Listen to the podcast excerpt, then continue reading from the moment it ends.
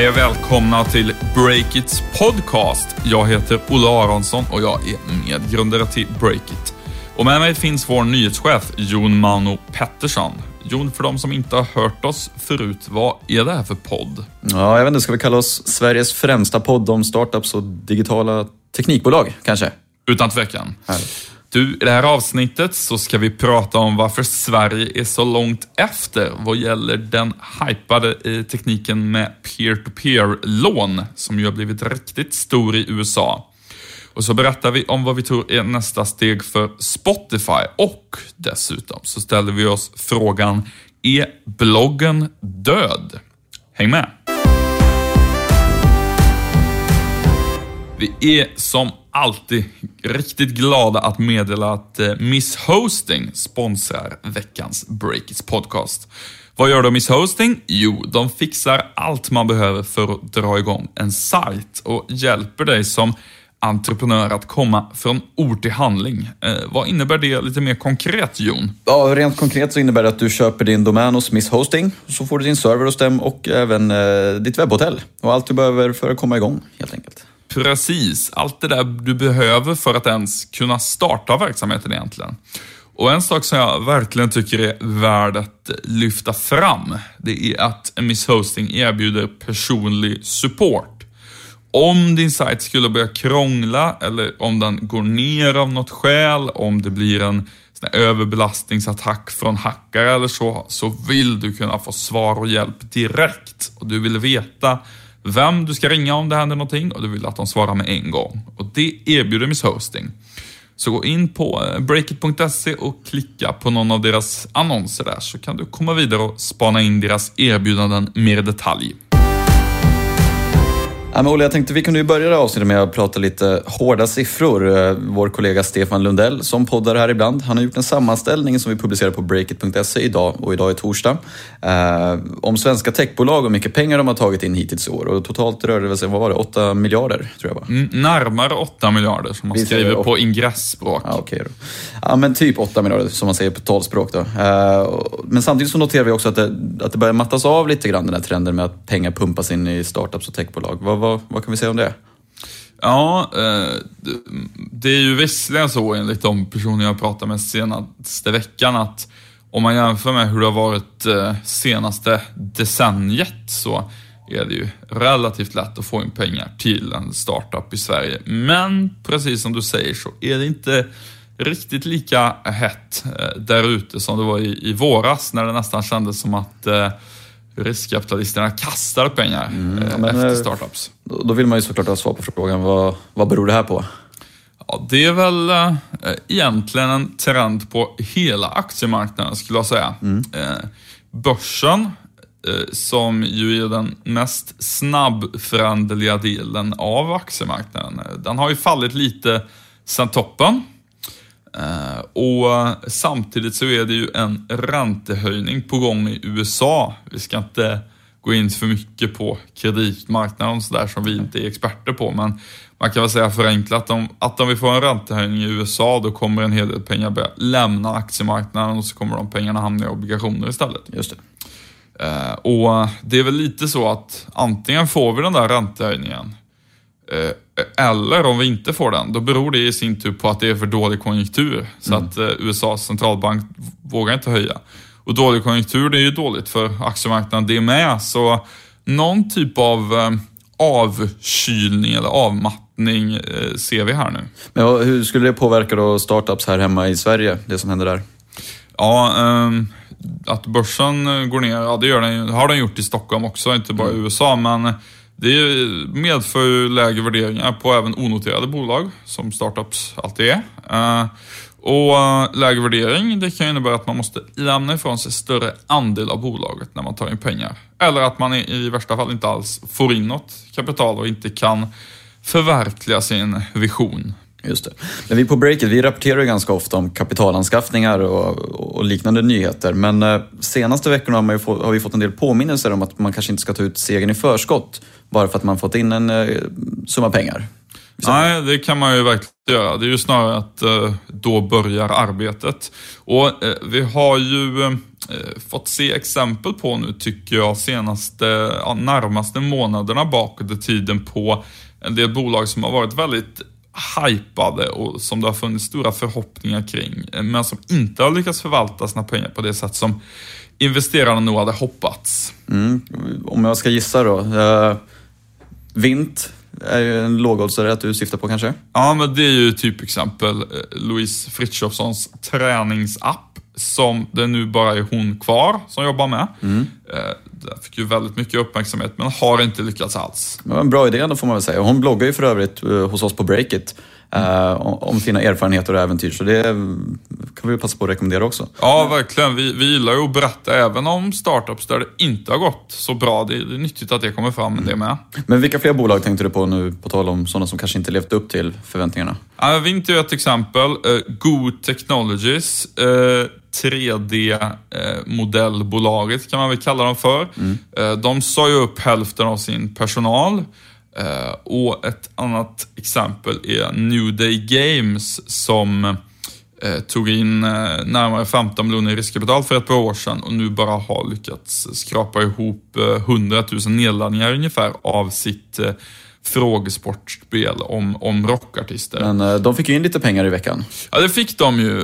De vill inte berätta hur mycket det var. Det var från skivbolaget Universal och det är säkert en intressant vändning för dem, men Eh, de, de säger själva att de är missnöjda med hur mycket nedladdningar de har fått och att de inte är redo för att ta in en större runda än. Och samma sak som Good Technologies förde ju också en argumentation kring att men det här är inte så dåligt. Och det är liksom inte det jag säger, men det jag säger är någonstans att eh, det, det visar med önskvärd tydlighet det här att eh, eh vi journalister, eh, liksom, eh, när vi skriver liksom att någon tar in riskkapital, då menar vi inte att så här, därför har de lyckats. Mm. Utan det betyder att eh, snarare att det är någon som, som, satsar, som satsar pengar på det och sen kan det gå antingen åt skogen eller, eller jättebra. Man har inte lyckats förrän man har lyckats um, vad ska man säga, skapa lönsamhet eller åtminstone rejält med, med intäkter. Men ska man vara lite självkritisk så är vi ändå... Det låter ju positivt när vi skriver om ett bolag som tar in pengar. Mm. Är det inte så? Jo, det är det. Och det är ju också någonting som, jag tror de som jobbar i bolaget känner sig ju säkert glada och yes, nu fick vi in det här, nu kan vi förverkliga vår vision. Eh, så att det är väl inte så att jag tycker att vi ska börja så skriva eh, liksom dystert besked när någon tar in liksom 10 miljoner spänn. Det jag tycker är, och som jag också har mm, eh, börjat eh, ta till mig av och liksom agera på senaste veckorna, det är att vi ska skriva mer om de startups som inte tar in pengar. Eh, Bannerflow som vi skrev om ganska nyligen är ett bra exempel på det. Det finns många andra som, som struntar i hela den grejen och liksom eh, eh, ja, hela riskkapitalisternas idé är ju lite grann att man ska satsa stenhårt på att ta hela världen samtidigt och så antingen lyckas man med det, men de flesta bolag går ju i konkurs. Liksom. Det mm. finns ju alternativ till det. Man kan ju försöka bygga det lite långsammare och ta liksom, några länder i taget och bygga det med lönsamhet. Och, ja, jag, har börjat, jag har börjat skriva mer om, om sådana bolag nu för att jämna ut bilden lite grann. Jag tycker det känns, känns väldigt bra. Faktiskt. Men det är kanske inte är lika intressant läsning att läsa om ett bolag som är stabilt och tryggt och växer i stadig takt som ett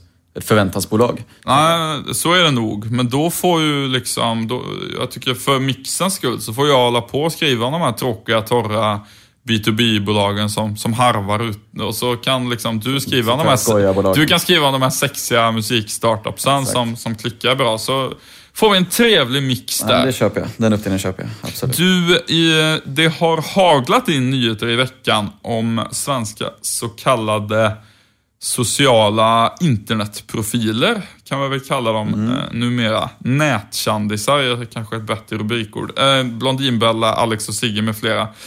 Den där marknaden kring dem, eh, den är ju i kraftig förändring kan man säga. Jon, vad är det som, som händer där? Det känns nästan som att vi skulle behöva tillägna ett helt avsnitt om vi ska gå in på allt som händer med de sociala profilerna. Men eh, ska man summera det på något sätt så är det väl att det är förändring som du är inne på och sociala profilerna är extremt starka på plattformar som Youtube och Instagram. Men bloggen däremot kanske börjar tappa lite sin eh, maktposition. är väl kanske slutsatsen man ska dra. Vad har du för belägg för att bloggen är... Inga belägg. Nej, men det finns väl flera tecken på det. Bloggportalen som är en superstor sajt grundad av Sigge Eklund, poddaren och kändisen. Eh, de stängde ner i veckan. Och detta gör de för att de upplever att eh, deras portal är lite daterad helt enkelt. Och detta trots att de har typ 85 miljoner bloggar på sin plattform, vilket är helt galet mycket. Men eh, sajten den var ju upplagd på så sätt, kategorier, nöje, mat och så vidare och statistik. De upplever helt enkelt att folk kanske inte riktigt söker på bloggar på det sättet som man en gång gjorde. Det är i alla fall så jag uppfattar deras motivering till varför de lägger ner. Det låter ju som en ganska rimlig analys av bloggportalen. Själv kände jag, själv när du sa sådär nu, att jag undrade, har folk någonsin sökt efter bloggar på det sättet? Att man klickar sig runt bland kategorier på en eh, bloggportal. Eh, du, vad finns det fler, för fler belägg på att bloggen är, om inte döende, så i vart fall eh, ordentligt föråldrad? Ja, men det kom ju en rapport i veckan som vår krönikör Emanuel Karlsten sammanfattade på ett utmärkt sätt, där bland annat bloggar ingick i rapporten. Han skrev inte så mycket om just det, men där framgick det förvisso att 40 procent av alla internetanvändare fortfarande läser bloggar, vilket ändå är en hög siffra får man ju säga. Men att det viktiga segmentet unga flickor, där, där minskar det kraftigt och det är de som har varit lite blogg eh, de tunga bloggprofilerna har ju fötts där någonstans. Eh, I åldern segmentet eh, 12 till 15 år så tror jag det hade minskat från 81 procent till 62 procent som fortfarande läser en blogg. Och det är en ganska kraftig, kraftig tapp får man ju säga. Alltså som läser någon blogg överhuvudtaget så att säga. På ja. frågan så här, har du läst bloggar liksom under senaste bla bla bla. Något sånt där. Så uppfattade jag det. Ja. Jag minns fel. Uh, sen även de som själv skriver på en blogg har minskat kraftigt. Från 2012 tror jag det var från 23 procent till idag 5 procent. Och det är ju också ett ordentligt tapp. Och det är väl bara, man kan ju gå på sin egen magkänsla. Bloggar är ju inte riktigt lika brett och stort som det var förut. Jag tror fortfarande att bloggarna har en väldigt relevant plats. Vi själva har ju just skaffat bloggare på Breakit så vi ska inte totalt såga det. Men just det där, deras maktfaktor kanske har försvunnit lite och bytts mot Instagram-profiler och Snapchat-konton och allt vad det nu må vara. Eh, när bloggen kom, det var väl eh, Evan Williams som myntade begreppet tror jag med mm. bolaget Blogger eh, som han sen sålde till eh, till Google. Eh, och sen använda de pengarna till att finansiera det som sen blev Twitter. Det Just det. Och ehm, då var ju hans idé, och som hans idé har varit med Twitter och nu Medium som han driver nu, att eh, det är liksom man skulle ja, pimpa yttrandefriheten så att säga. Att alla skulle få, få uttrycka sig fritt eh, hur som helst, även om man inte ägde någon eh, tryckpress i princip. Mm. Och där får man väl säga liksom att eh, de lite mer lättsamma yttrandena kan man göra fritt på typ Facebook och Instagram eller Snapchat för den delen, medan de här lite ja, tyngre kommentarerna kring politik, ekonomi, vad det kan vara, det kan man ju skriva på Twitter och LinkedIn. Så att bloggen som plattform känns ju lite obsolet på det sättet. Mm. Um... Ja, men förut hade man ju bara bloggen som egentligen socialt medium på sätt och vis. Numera är det ju så många fler kanaler där en social profil är stor. Uh, så just av den anledningen tror jag bloggen har minskat i makt, även om just bloggformatet fortfarande är attraktivt, kan jag tycka.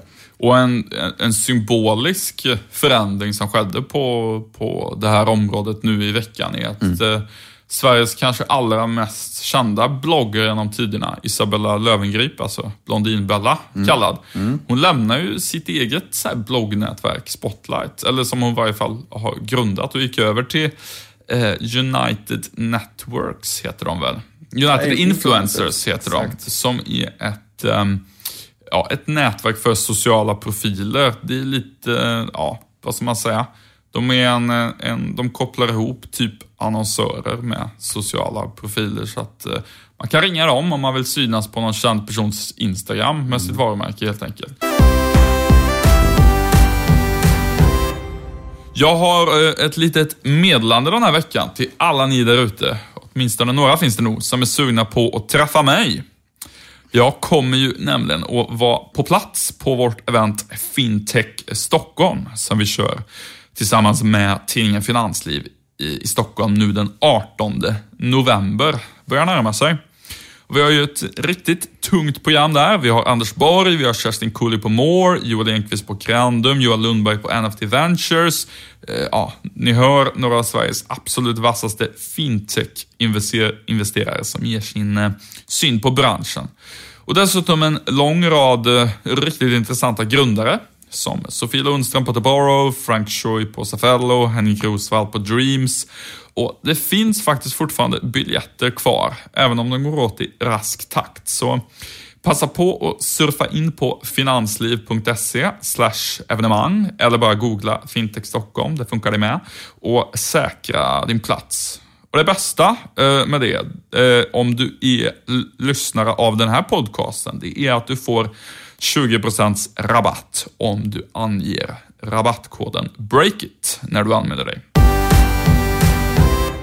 För ett år sedan när jag och Stefan Lundell, vår Breakit-kollega, när vi poddade för Dagens Industris räkning, känns som väldigt länge sedan, men det gjorde vi i alla fall för ett år sedan och då lyfte vi fram peer-to-peer lending som en av de absolut hetaste trenderna i den svenska techindustrin. Vi spådde då att det på kort tid skulle kunna kapa åt sig marknadsandelar från storbankerna i Europa, precis som, som har skett med peer-to-peer lending i USA. Men sedan dess har det varit eh, ganska tyst från eh, den där branschen får man säga. Men eh, du kanske ska förklara peer-to-peer lending, vad, vad har vi att göra med? Vad är det för något? Peer-to-peer lending är eh, lite förenklat ett sätt att eh, Eh, koppla ihop eh, folk som vill låna ut pengar med folk som vill låna pengar med eh, lite smidigare mellanhand. Istället för att någon sätter in pengar på banken och sen så går de där pengarna in i bankens lite mystiska system och i deras balansomslutning och sen så någonstans långt bort i andra änden så, så lånar banken ut de där pengarna. Istället för att det är så så Eh, skär man bort eh, hela den stora banken i systemet och har helt enkelt en stor förmedlingssajt där långivare och låntagare kan mötas. Och peer-to-peer lending-sajter, de är alltså inte banker utan de är förmedlingsplattformar av lån. Och då behöver man inte ha några stora skyskrapor med tusentals anställda och därmed så får du lägre kostnader och kan erbjuda folk som um, lite bättre räntor än de här 0,1 procenten eller vad det brukar vara på vanliga sparkonton uh, nu för tiden. Just det. det är väl lite förenklat det modellen går ut på. Mm. Men som du nämnde, det har ju slagit igenom i USA men inte här hemma. Vad, vad beror det på? Ja, eh, det har verkligen slagit igenom i USA. Lending Club, det börsnoterade bolaget, är ju väldigt väl etablerat där. Eh, men i Sverige eh, så har det startats en rad bolag, men det har liksom inte blivit stort. Ja, det, det är inte något som folk gör helt enkelt särskilt mycket, lånar eller lånar ut pengar via peer-to-peer lending. Eh, och vad beror då det på? Jo, det är framförallt regleringar som ställer till det. Jag har pratat runt med folk i branschen och det, jag har fått lite intressant information där om hur det kan vara när man ska försöker dra igång en peer-to-peer landing startup. Okej, okay, ja, berätta. Eh, det är ju så att det kostar ungefär totalt i ansökningsavgifter och alla konsultkostnader runt omkring eh, så kan det kosta ungefär en miljon kronor bara att liksom få alla tillstånd på plats. Bara för att komma igång? Ja, mm. det är liksom innan du ens kan börja hålla på och, och låna ut.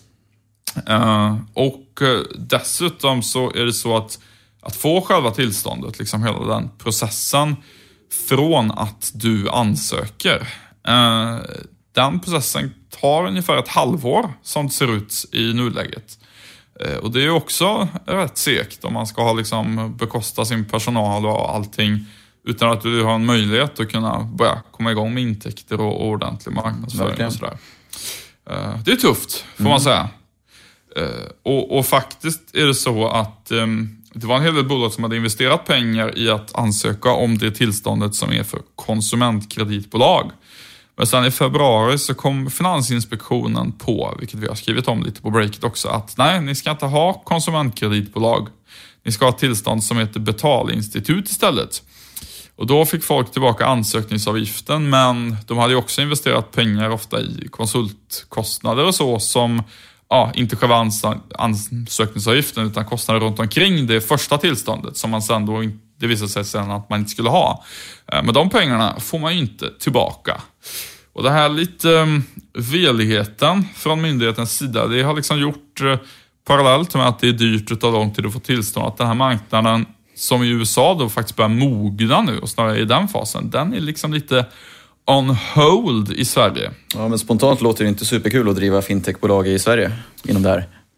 Nej, det, är, det går att få in riskkapital. Det är ju ja. tydligt att det är många som får, men tillståndsmässigt känns det som att eh, det är rätt tufft. Ja. Det är väl en liten passning som vi Vem kan... ska avgå? Vem är ansvarig? ja, det är fakt... Det faktum är ju så att det är lite svårt att tvinga någon att avgå i och med att Finansinspektionens eh, generaldirektör liksom har själv slutat av helt andra skäl. Han skulle, tror jag, han har hittat kärleken utomlands eller något sånt där. Så de är ju i en process av att byta chef där just nu, så det är lite svårt att kräva ja, en ny avgång. av den gamla avgå alla. Exakt, nej det vore nog inte så bra. Det kan ju helt enkelt hända att det är staten som borde skjuta till mer pengar. Att de, mm. ja, de behöver mer personal på FI här. Det ska man liksom ja, man, politikerna är ändå högst ansvariga på något sätt. Så vi kan skicka en passning till per Bolund, mm. finansmarknadsministern då. Styr upp det där. Nej, men, Avgå.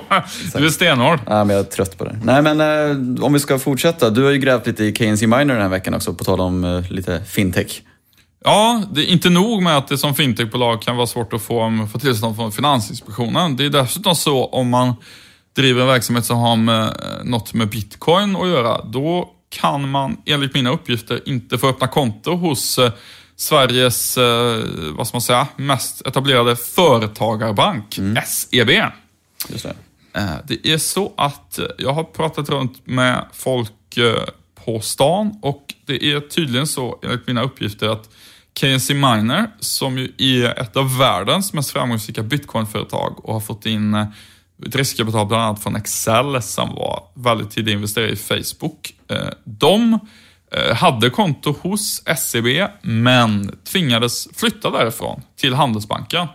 Så att eh, en av våra absolut hetaste startups, eh, som ju jag tror att många banker skulle ta emot med öppen famn, de fick inte ha sin verksamhet hos SEB. Men hur kommenterar SEB det här då? De vill inte kommentera. De hänvisar till att de inte berättar vilka som är deras kunder och vilka som inte är det. Mm. Och KNC vill inte heller kommentera, med annat än att de säger att de är nöjda med de bankrelationer de har just nu och just nu ska de då enligt mina uppgifter ha flyttat till Handelsbanken. Mm. En bank som jag annars är känd för att vara ganska, eller väldigt konservativ, men uppenbarligen inte på bitcoin-området. Ja, intressant. Ja, det är faktiskt intressant. Startup-bolagen är ju hett villebråd just nu för bankerna. De vill ju ha Eh, liksom, det är ju kreddigt att ha Klarna, eh, eller ja, Klarna är ju på Bank själva, men eh, liksom Spotify och de bolagen på sin kundlista. Det, det, är ju någonting som, eh, det märker man ju på att de sponsrar startup-event och är runt och, och minglar SEBs företagsrådgivare. Att det är de sugna på. Men eh, nej, eh, här, bitcoinbolagen, de, de är uppenbarligen inte välkomna. Eh, du, ett svenskt techbolag som nog har betydligt lättare att få bankkonto hos SEB, det är just Spotify. Jag vet inte vad de har för husbank, men det brukar ofta vara SEB vad gäller eh, stora företag. Jon, vad är det senaste kring eh, Spotify? Undrar om folk börjar tröttna på Spotify, tror du ja, Jag har funderat på det själv lite grann eh, när vi skriver om det. Min grundtes där är någonstans att eh, Spotify är ju lite mer än, än bara ett företag nästan i den svenska techindustrin. De är lite grann så här poolstjärnan som allt graviterar kring. Eh, de är nästan liksom lite så synonyma med den svenska tech-framgången. Lite som att IKEA liksom är mm. lite larger, larger than life bland liksom mer analoga svenska entreprenörs framgångar. Eh, så, dels finns det säkert massor med folk som är trötta på att läsa stänger om... av nu. Ja, precis. Som stänger ja. av, zonar ut nu, trötta på att höra om Spotify. Men... Eh, Nej, men igår stod det ju klart att Spotify och radiokonkurrenten Pandora den amerikanska jätten har köpt eh, biljettåterförsäljningssajten eh, Ticketfly för typ eh, 3,7 miljarder kronor tror jag det var. och utan att veta allt för mycket om vad planerna är där så är det ju en lågoddsare att Pandora kommer börja sälja biljetter inuti sin streamingapp och rikta konsertbiljetter mot relevanta lyssnare. Och detta får man väl säga, det har inte med Spotify att göra just nu, men det, med tiden så tror jag absolut att Spotify själva kommer bli en del av den här utvecklingen, vilket, vilket är en väldigt intressant utveckling personligen, tycker jag. Varför tycker du att det är intressant med konsertbiljetter i, i Spotify. Nej, det men- finns ju Ticknet och annat som Ja, funkar utmärkt. eh, jag- Funkar utmärkt då? Jag vet inte. Nej, Nej, jag- jag vet faktiskt inte. superfan av Ticknet. Nej, men Spotify sitter ju på den kanske mest relevanta datan av alla när det kommer till våra lyssnarvanor. I alla fall här i Sverige. Vilket innebär att de vet ju exakt vilka konserter som är relevanta för dig och mig, när och var. Och ett jättebra underlag också för konsertarrangörerna kan jag tänka mig. Istället för att gå på magkänsla och tänka att ja, men i Stockholm gill- gillar folk kanske hiphop så kan de faktiskt kolla vart de flesta gillar en viss artist och liknande.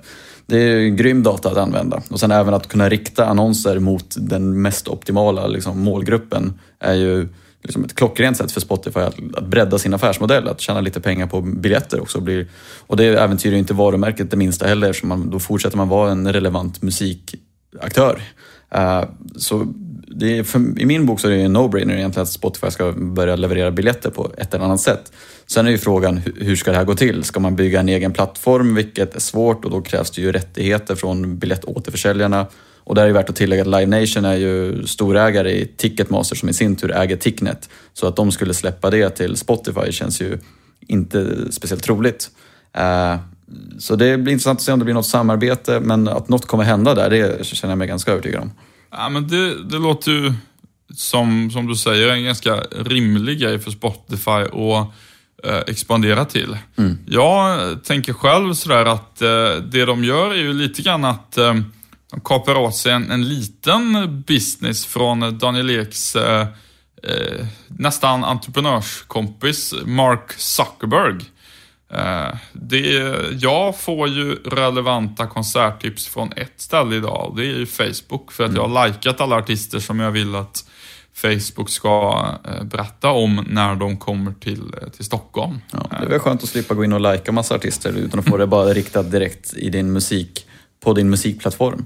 Jag, vet inte, för mig skulle, jag tror att det skulle bli mer relevant för mig. Facebook är ju bara ett stort flöde med massa skit och lite bra. Jag, bara- jag bara tänker själv på rak arm, jag, jag kommer ju få massa konserttips och massa sådana här jag, jag skämslyssnar ju på lite så Lasse Stefans och sånt hemma för att jag har någon sorts konstig fäbless för så corny dansbandslåtar. Du kan erkänna att du gillar det också. Precis, ja, men det får jag inte från Facebook för där har jag liksom inte vågat lajka dem offentligt. Men Spotify skulle ju, om det är baserat på vad jag lyssnar på, kommer jag få lite alla möjliga såna här Ja. Ja, nästan wake-up calls på vad jag egentligen lyssnar på för musik. De vet dina mörkaste hemligheter.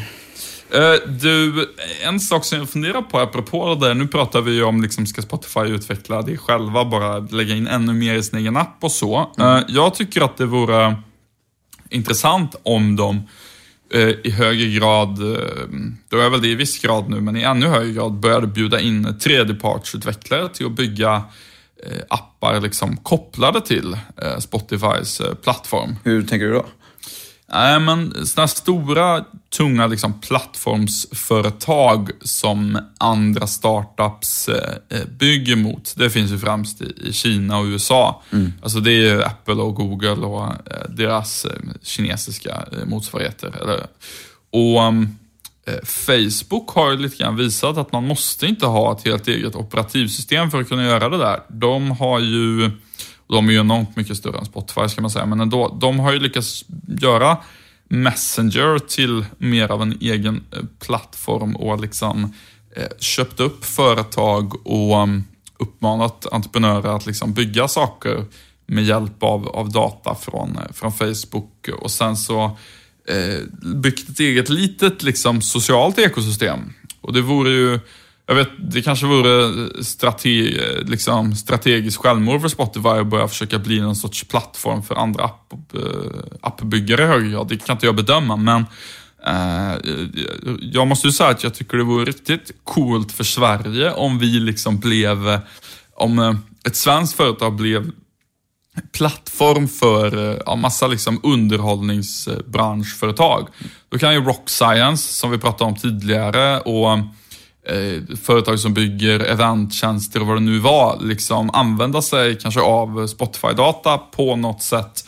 Och så kan de liksom bli som ett ekosystem runt om som befruktar Spotify. Men Spotify hamnar inte i det här att de måste göra liksom tusen olika saker samtidigt. Och det skulle liksom vara häftigt för Sverige som, eh, som tech-hub, måste jag säga. Absolut. Men den är ju frågan, ska det vara liksom musiktilläggstjänster då? Och liksom... Ja, de har ju video också och konserter. Liksom, det känns som att man redan hamnar i liksom podcast har de också. Man, ham man hamnar nästan... Nöjesplattformen Spotify. Ja, men de, precis. De är ju redan på väg att mm. bli någon sorts bredare underhållningsplattform. Och frågan är ja, om de liksom kommer klara att utveckla liksom allt de skulle vilja göra kring det där själva. Liksom. Ja, det, var, det var riktigt häftigt tycker jag om de blev en bredare eh, nöjesplattform i, i mobilen, det måste jag säga. Ja, vi får väl se om det blir biljetter som blir första steget åt det hållet kanske. Ja, eh, verkligen. De kanske, eh, vad vet vi, köper upp något eventbolag själva. Mm. Du, eh, vi ska avrunda den här podden och tacka eh, Beppo ljudproduktion som klippte och spelade in. Vi ska också påpeka att ansvarig utgivare och därmed juridiskt ansvarig för det som vi säger i den här podden Eh, det är jag, Olle Aronsson, som är det. Jon, har du något annat du vill tillägga innan vi avslutar? Nej, ingenting alls. Jag vill äta lunch. Jag förstår. Då får du göra det. Eh, jag uppmanar er i vart fall till att följa oss på Twitter, skriva upp er på nyhetsbrevet och surfa in på breakit.se för att hålla koll på alla våra nyheter vi eh, släpper där. Ha det gott så hörs vi nästa vecka. Hej då. Hej.